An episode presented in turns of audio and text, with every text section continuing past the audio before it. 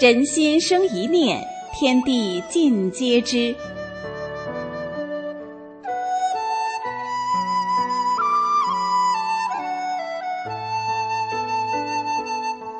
听众朋友您好，欢迎收听明慧广播电台《善恶一念间》节目。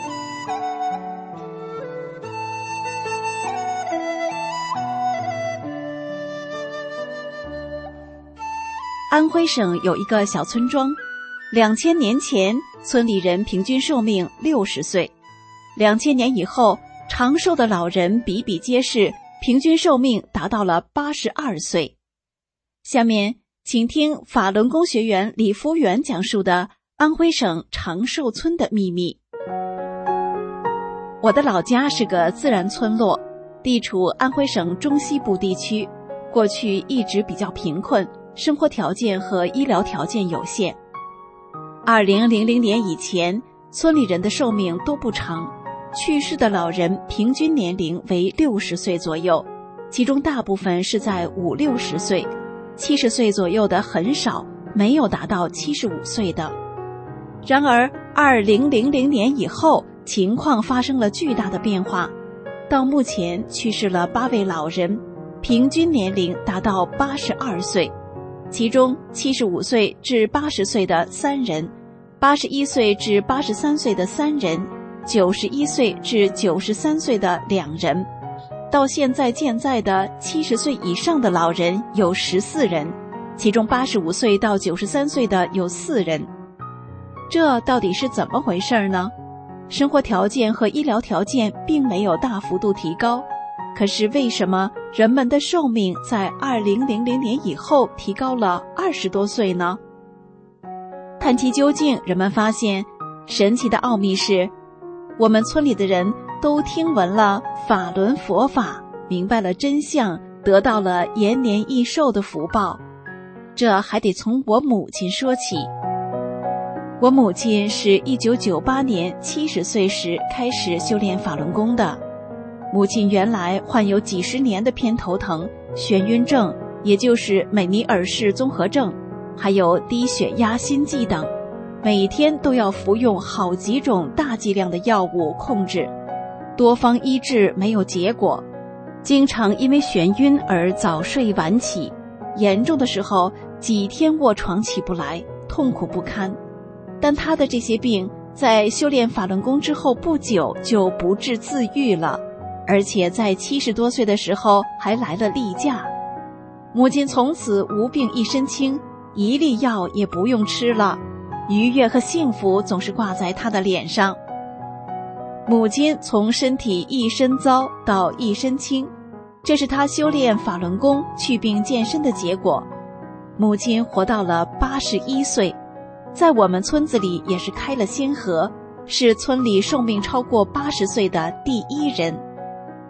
母亲在世的时候，由于不识字，所以她学法就是用收录机听李洪志师傅的讲法录音。因为母亲为人宽厚善良，人缘好，乡邻们也见证了法轮大法在我母亲身上显现的奇迹。这样，那些不下田劳作的岁数较大的人就经常聚在我家，和母亲一起听李洪志师傅的讲法录音，持续了好长一段时间。我每次回娘家探亲，也都给乡亲们讲述大法的美好。乡亲们知道我练法轮功以前患有多种病，修炼了法轮功之后无病一身轻。乡亲们说我多年来一直不变老，总是那么年轻。我还给乡亲们讲述自己修炼后道德境界提升了，无私为他做好人的事，还有修炼过程中发生的一些神奇的事，也告诉他们李洪志师傅的慈悲、法轮大法的美好。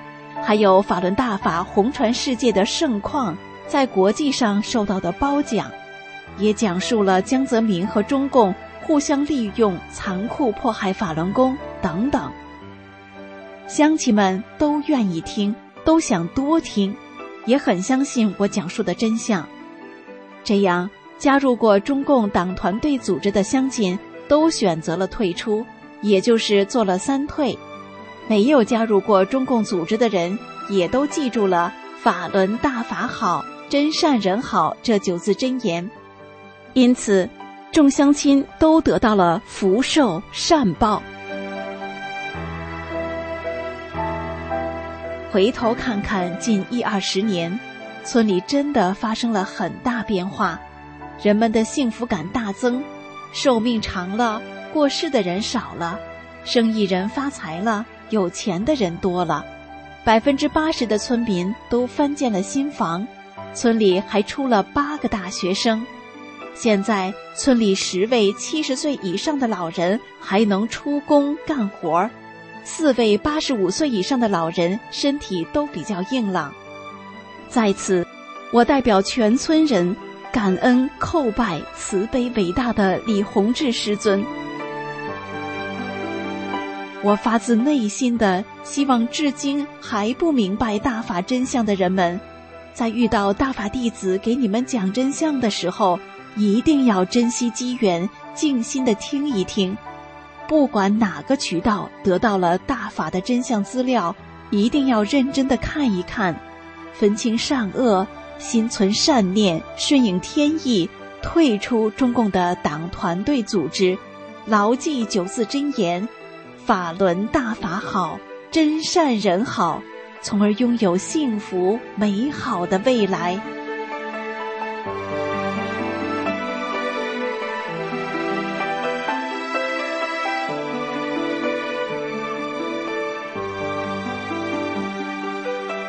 听众朋友，今天的善恶一念间就到这里，感谢您的收听。